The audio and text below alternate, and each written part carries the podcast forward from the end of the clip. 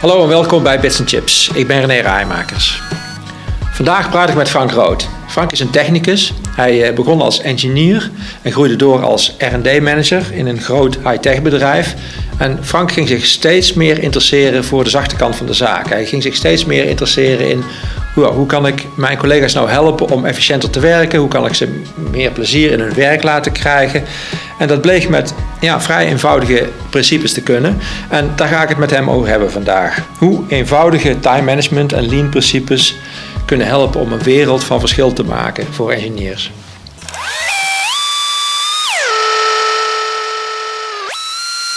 Uh, Frank, welkom bij deze podcast. Dankjewel. Jij bent uh, trainer bij Hightech Institute. Ja, klopt. Maar je hebt ook een hele carrière achter de rug als manager, engineer in de high-tech. Ja. Waarom, waarom ben je eigenlijk uit de technische wereld gestapt, als ik het zo mag noemen, Ja. en ben je in de trainingen terechtgekomen en de coaching? Ja, dat is een goede vraag. Eh, dat heeft eigenlijk wel een lange historie. En voor mijn gevoel ben ik nooit echt uit de techniek gestapt. Dus ik, ben nog steeds, ik voel me nog steeds een, eh, een engineer, Mhm. een ingenieur. En ik, eh, ik vind techniek nog steeds leuk. En de- mijn klanten, de mensen waar ik mee werk, zijn ook allemaal mensen die in de techniek werken. Mhm. En de reden dat ik ook geïnteresseerd was in de menselijke kant, in de zachte kant, zoals veel mensen inderdaad zeggen, is omdat ik merkte dat eh, hele talentvolle engineers vaak eh, ja, niet voldoende uit de verf kwamen, omdat die organisatorische en menselijke aspecten, dat die onvoldoende waren ontwikkeld of aan bod kwamen of eh, niet goed georganiseerd. En dat frustreerde mij. En ik ben me in- daarin gaan verdiepen van hoe kan ik dat beter maken? Wat maakt nou dat iemand effectief en efficiënt is? Ook juist als engineer, want dat was mijn eigen, eigen job.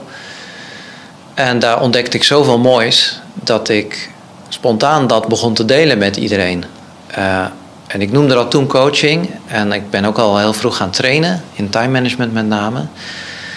Ja, later leerde ik dat, ik dat dat nog een beetje amateuristisch was. Maar de, de wil was er wel om eh, die kennis over te dragen en ook om mensen te helpen om beter te functioneren. Dat heb ik twaalf jaar lang als, vanuit mijn managersrol gedaan. En dat is ook prima, dat is een coachende manier van leiding geven. Alleen eh, die managersrol werd steeds meer politiek en steeds meer ja, op afstand van de mensen juist. En eh, ik word blij van met mensen werken. En dat was voor mij de reden om op een gegeven moment een carrière switch te maken en te zeggen: ik ga meer coachen en trainen, of zelfs fulltime coachen en trainen. Want daar krijg ik te doen wat ik echt leuk vind. En daar kan ik dus al die dingen die ik zelf geleerd heb, ja, daar kan ik andere mensen mee helpen. Dus daar word ik echt heel blij van en gelukkig van. En techniek blijft gewoon nog eh, een leuke ja, hobby of eh, interesse. Hm. Kun je voorbeelden noemen van hindernissen waar engineers eh, typisch mee te maken hebben? Ja, dat is ook een goede vraag, want het zijn eigenlijk best wel veel dingen. Het eerste wat mij nu te binnen schiet is dat wat ik zag gebeuren in de R&D-omgeving, in de R&D-afdelingen, is dat mensen ongelooflijk veel gestoord werden met allerlei ad hoc acties, verzoeken. En eh, ook door managers die weer een, nieuw plan hadden bedacht. We gaan nu dit doen, we gaan nu dat doen. Terwijl die mensen, ik dus zelf ook als engineer, gewoon een bepaalde mate van focus en rust nodig hadden om ons werk goed te kunnen doen. Ja. En natuurlijk heb je de omgeving waarin je werkt. En die bepaalt voor een deel de verstoringen en wat er gebeurt, de dynamiek. En je hebt zelf ook heel veel invloed. Dus dat, dat was het eerste waar ik mee aan de gang ging. Van wat kun je er nou zelf aan doen om die omstandigheden te creëren. Om gefocust te kunnen werken, om creatief werk te kunnen doen. En om uh, om te gaan met al die, uh, die hectiek die er is. Dus dat was eigenlijk het, het allerbelangrijkste wat ik in het begin van mijn uh, tijd als coach en trainer ging doen. Hm. En die adviezen van jou, hè, hielpen die ook? Nou, in ieder geval, wat, wat ik aan anderen leerde, paste ik zelf toe. Dus ik had zelf al een positieve ervaring van het werkt. Ja. En als ik er dan andere mensen mee ging helpen, dan merkte ik dat dat soms wel werkte en soms niet werkte. En dan was ik heel erg gefrustreerd en teleurgesteld. Want dan had ik mijn ziel en zaligheid gedeeld. En uh, nou, dat is een fantastische methode. En dan zag ik dat de mensen weer terugvielen in een oude patroon. Daarom was ik op een gegeven moment ook geïnteresseerd in van ja, hoe kan ik nou beter trainen en hoe kan ik beter coachen. En heb ik ontdekt wat nou maakt dat het ene keer wel werkt en de andere keer niet werkt. Hm. Kun je eens een voorbeeld geven van iets wat je in de organisatie hebt doorgevoerd of waarvan je eh, collega's hebt kunnen overtuigen om anders te gaan werken? Ja, nou wat ik heel veel gedaan heb is time management trainingen. Mhm. En uh, ik had uh, gelegenheid uh, ook om dat binnen het bedrijf waar ik toen werkte, om dat heel breed te, te mhm. doen, die trainingen. Uh, zelfs in 2009 dan hadden we een situatie van een downturn. Hè. Toen was de economie slecht. En wij zaten drie dagen per week, werkten we nog maar. En we zaten in een part-time WW-situatie. En toen konden we de vierde dag van die week konden we gebruiken om te trainen. En de vijfde dag waren mensen dan thuis. Mhm. En dat betekende dus dat ik die vierde dag uh, groep voor groep uh, kon trainen op time management.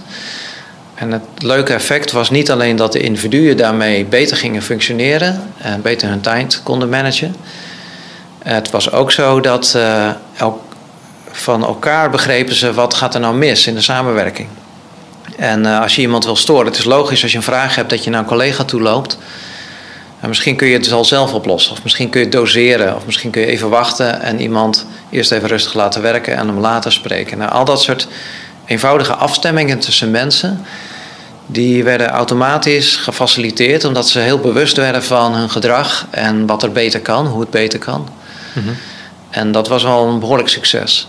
En het succes was vooral dat jaren later nog, als ik die mensen dan sprak, dat ze dan zeiden: hey, ik doe nog steeds dit wat jij mij geleerd hebt, dat doe ik nog elke dag. Daar heb ik nog elke dag plezier van. Ja. Nou, dat was geweldig. Daar voelde ik me echt zo blij en voldaan dat ik dacht van oké, nu er gebeurt echt iets. Ik hm. kan echt iets betekenen. Als iemand nog nooit van time management gehoord heeft of waarom dat, dat zou kunnen werken. En, en iemand zit hopeloos vast in zijn werk, krijgt het werk niet af. Wat, wat zou je hem dan als eerste aanraden? Naast het volgen van jouw training natuurlijk. Maar wat, zou, wat, zijn, nou, wat is nou het laaghangende fruit meestal? Wat kom je daar, wat kom je daar tegen? Ja. ja, dat is een goede vraag. Want het is, het is een ongelooflijk breed onderwerp. Wat ik recent heb ontdekt, ik ben al meer dan twintig jaar met het onderwerp bezig. De kern is eigenlijk durven kiezen. Mhm.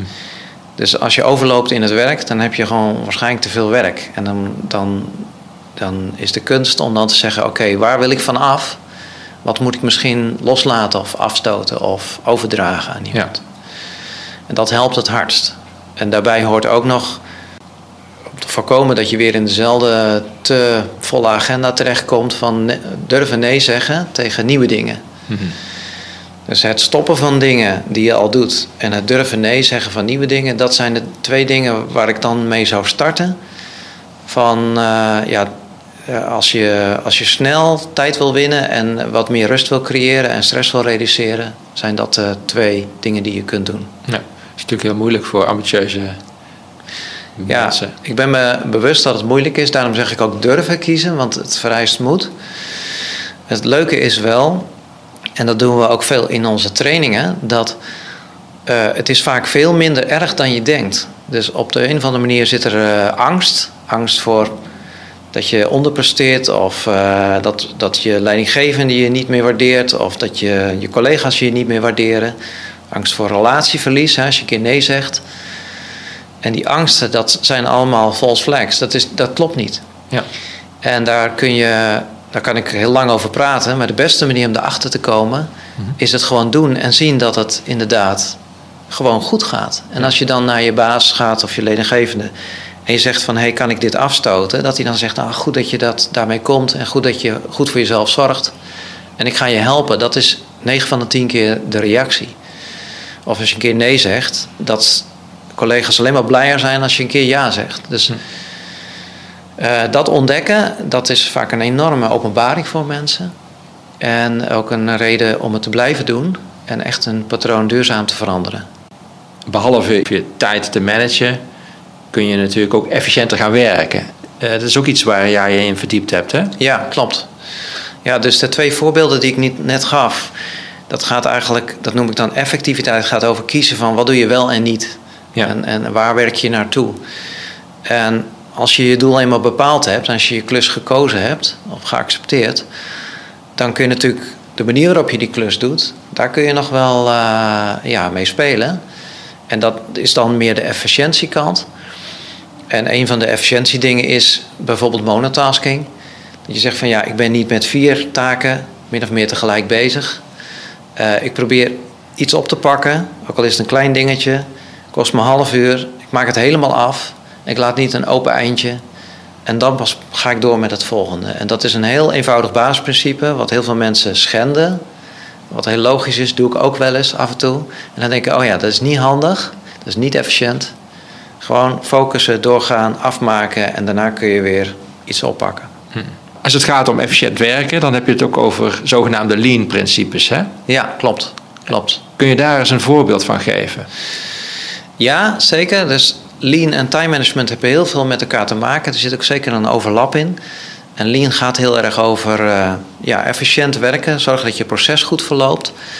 En wat ik eerder heb geïmplementeerd, ik was toen manager engineering. Dat was dat uh, voor mijn engineers, die maakten een, uh, een tekeningenpakket van een product. En dat product moest vervolgens gebouwd worden en getest. Mm -hmm. En nou, daar kwamen altijd probleempjes uit voort. Dat was niet omdat die engineers hun werk niet goed deden. Dat was gewoon dat het een heel moeilijk product was. Heel nauwkeurig. En heel specifiek voor, voor de toepassing. Het was een tool voor, voor chips. En die, die test engineers, die debug engineers... die maakten dan een, een tekeningenpakket met een aantal aantekeningen en wijzigingen. En dat moest verwerkt worden door de, de engineers die het ontwerp hadden gemaakt... En wat je zag gebeuren is dat die engineers die het ontwerp hadden gemaakt, die hadden daar niet zoveel zin in. En uh, ja, als het dan uh, verwerkt moest worden, bleef het gewoon heel lang liggen. En het probleem daarvan was dat als er een kopie werd gemaakt van het ontwerp, dat de fouten er gewoon weer in zaten en dat alle fouten en kosten en tijd die daaraan besteed moest worden, opnieuw gemaakt werden. Ja, omdat het eerste ontwerp was nog niet gecorrigeerd en mensen dupliceerden als het ware de tekening. Ja. En gingen met een foutieve tekening aan de slag. Exact. Waardoor ja. ze gewoon twee keer het hele proces moesten ja. doorlopen. Exact, ja. En super inefficiënt natuurlijk. Ja, en dat, dat, uh, dat was gewoon een, een patroon. En het had een beetje te maken met uh, ja, wat, wat de mensen als gedrag hadden aangeleerd. Helemaal niet verkeerd op zich. Alleen uh, als je dan op een afstandje daarnaar kijkt, dan zie je gewoon dat er enorm veel verspild wordt. En toen hebben we dat proces wat zichtbaarder gemaakt, dat als tekeningen terugkwamen van de, van de testengineers, dat die op een tafel kwamen te liggen op een rood vlak, zodat uh, de, de engineer die het had ontworpen, dat hij gelijk zag van hé, hey, ik, ik heb iets teruggekregen uit de werkplaats. Dat moet ik nu gaan verwerken. En dat lag, lag op een rood vlak. Dus iedereen zag ook van, oh, er is wat aan de hand. Een soort alarmkleur. Dan ging hij ermee aan de slag, maakte het helemaal af. En uh, daarmee uh, kon hij het op een groen vlak leggen. En dan was het, was het goed, dan was het klaar. En wat er gebeurde was dat de, de doorlooptijd was eerst meer dan drie weken voordat de tekeningen verwerkt waren. En nu was het binnen een dag geregeld. Mm -hmm. En daarmee werd het hele proces efficiënter. Het is ook veel fijner als je het gelijk doet, want dan zit het nog vers in je hoofd. En dan is het ook afgemaakt, die klus. Die klas, klus was voor de uh, engineer helemaal af. En zodra die dan een kopie trok van het design, was het uh, perfect. Alle fouten eruit. Ja. De redenen waarom dit zo succesvol was, was omdat het de nieuwe manier van werken zichtbaar gemaakt werd. Ja, dat klopt. Dus het, het zichtbaar maken, dat is dan typisch iets uh, wat in Lean, uh, ze noemen dat wel visual manufacturing, omdat het uit de productieomgeving komt, Lean. Dat je, je ziet wat er gebeurt. En als mensen zien wat er gebeurt, dan gaan ze vaak al iets juiste doen. Dus dat is heel interessant. Je hoeft helemaal geen ingewikkelde processen en mensen die gaan controleren en zo. En managers die er bovenop zitten. Laat alsjeblieft de mensen het zoveel mogelijk zelf doen. En maak wel zichtbaar wat er gebeurt. En dan gaan mensen meestal vanzelf uh, de juiste dingen doen en efficiënt werken. Ja, nou heb je daar een uh, training voor. Jij geeft één dag uh, Lean in One Day. Zo heet Ja. die training. Klopt. Die training die is dus in één, één dag te volgen. Kun je, kun je misschien uitleggen waarom dat maar, dat, dat maar één dag is? Is het principe zo eenvoudig dat je dat in, binnen één dag eh, onder de knie hebt? Lean is, uh, zoals de meeste onderwerpen, dat kun je heel breed trekken. En soms gebeurt dat ook. Dan wordt er van alles bijgehaald. Hmm. Terwijl dat de, de, de basisgedachte van Lean is juist, hou het simpel. Ja, is eigenlijk helemaal niet zo moeilijk. Het is eigenlijk helemaal niet moeilijk. En de basisprincipes, als je ze vertelt, dan denken mensen ook ja, logisch, waarom doen we dat niet? Ja. Dus in één dag kun je die basisprincipes makkelijk leren. En wat we ook doen in die trainingsdag, is niet alleen die basisprincipes vertellen, zodat je weet wat het is, maar we gaan het ook gewoon doen. Mhm. En dan blijft het hangen. Dat heb ik ook gemerkt met mijn time management. Doen is succesvol, want dan zien mensen het effect. En in deze training ook gaan we gewoon mee aan de slag. We doen oefeningen. En we maken een plan van de dingen die jij tegenkomt in jouw werk. Mhm. Hoe je die lean kunt maken. Mhm. En dat betekent dus dat je als je uit de training komt, dat je gelijk weet wat je moet doen als je weer op je werk bent om het beter te maken. Ja, dus in de training gaan de mensen met hun eigen uh, problemen of werkwijzes aan de slag. Exact, ja. En ze, daarbij leren ze na te denken of de lean manier van werken, die ze dus uh, s morgens dan krijgen, of, die, of dat iets uitmaakt in hun dagelijkse werkzaamheden. Ja, klopt, klopt. Wat zijn nou typisch de inefficiënte dingen die erin sluipen bij die technici? Ja, wat er typisch insluipt is, uh, is dingen niet afmaken. Dus, en dat, bij, bij Lean is het pas af als de klant het merkt. Hè? En heel vaak heb je een interne klant, een andere afdeling bijvoorbeeld. Maar wat je, wat je dan doet is overal aan werken. Je houdt alles lekker open. Dat geeft ook veel ruimte voor uh, creativiteit of nog even aanpassen. een, een, een basisbeginsel is wel dat je waarde levert voor degene die afhankelijk van jou is. Je wil zo snel mogelijk waarde leveren. En misschien zelfs, dus dat je niet alles probeert perfect te maken. Uh, en dat het heel lang duurt. Maar in plaats daarvan dat je zegt: ik ga zo snel mogelijk, misschien maar 80% van de waarde leveren aan, de, mijn interne klant. als je iets moet, moet opleveren, een stuk software of een uh, design, laat het zo snel mogelijk zien. Dat is wel lastig, want dan krijg je feedback. En dan gaan mensen het reviewen en die gaan zeggen: hey, ik kan het niet zus of zo. Maar daarmee gaat het proces veel sneller en, uh, en wordt het beter. Dus dat is typisch iets wat, ja, wat je gelijk kunt toepassen Mhm. en, uh, en wat ook gelijk uh, wat oplevert. Hm. Deelnemers aan jouw training, Frank, die komen vooral uit de technische wereld. Het zijn, zijn engineers, het zijn technisch managers. Waarom is deze training nou specifiek op hun gericht? Waarom hebben de, uh, de technici onder ons hier nou zoveel aan? Ja, nou, ten eerste, ik, ik kom zelf uit die wereld. Ik ben engineer geweest. Ik kan me heel goed verplaatsen in de situatie. Ik, spreek dezelfde taal. En um, ik zal dus ook met de deelnemers de, de lean-principes vertalen naar die omgeving, naar de technische omgeving waar engineers mee te maken hebben dagelijks. En het is zo fijn, engineers zijn ongelooflijk goede probleemoplossers. En de gedachte bij Lean is juist dat de mensen zelf hun eigen problemen die ze zien in hun werk, in, in de processen van hun werk, in de organisatie van hun werk, dat ze dat zelf oplossen. Dus engineers zijn bij uitstek geschikt om dit te doen. En Lean komt uit de productieomgeving. Daar, uh, daar wordt al heel veel, al jarenlang wordt daar geëxperimenteerd met hoe dat te doen. En het is een beetje bijna geïnstitutionaliseerd. Hè? Dus, dus mensen die, uh, die manager zijn in zo'n omgeving, procesoperators en zo, die gebruiken die technieken al.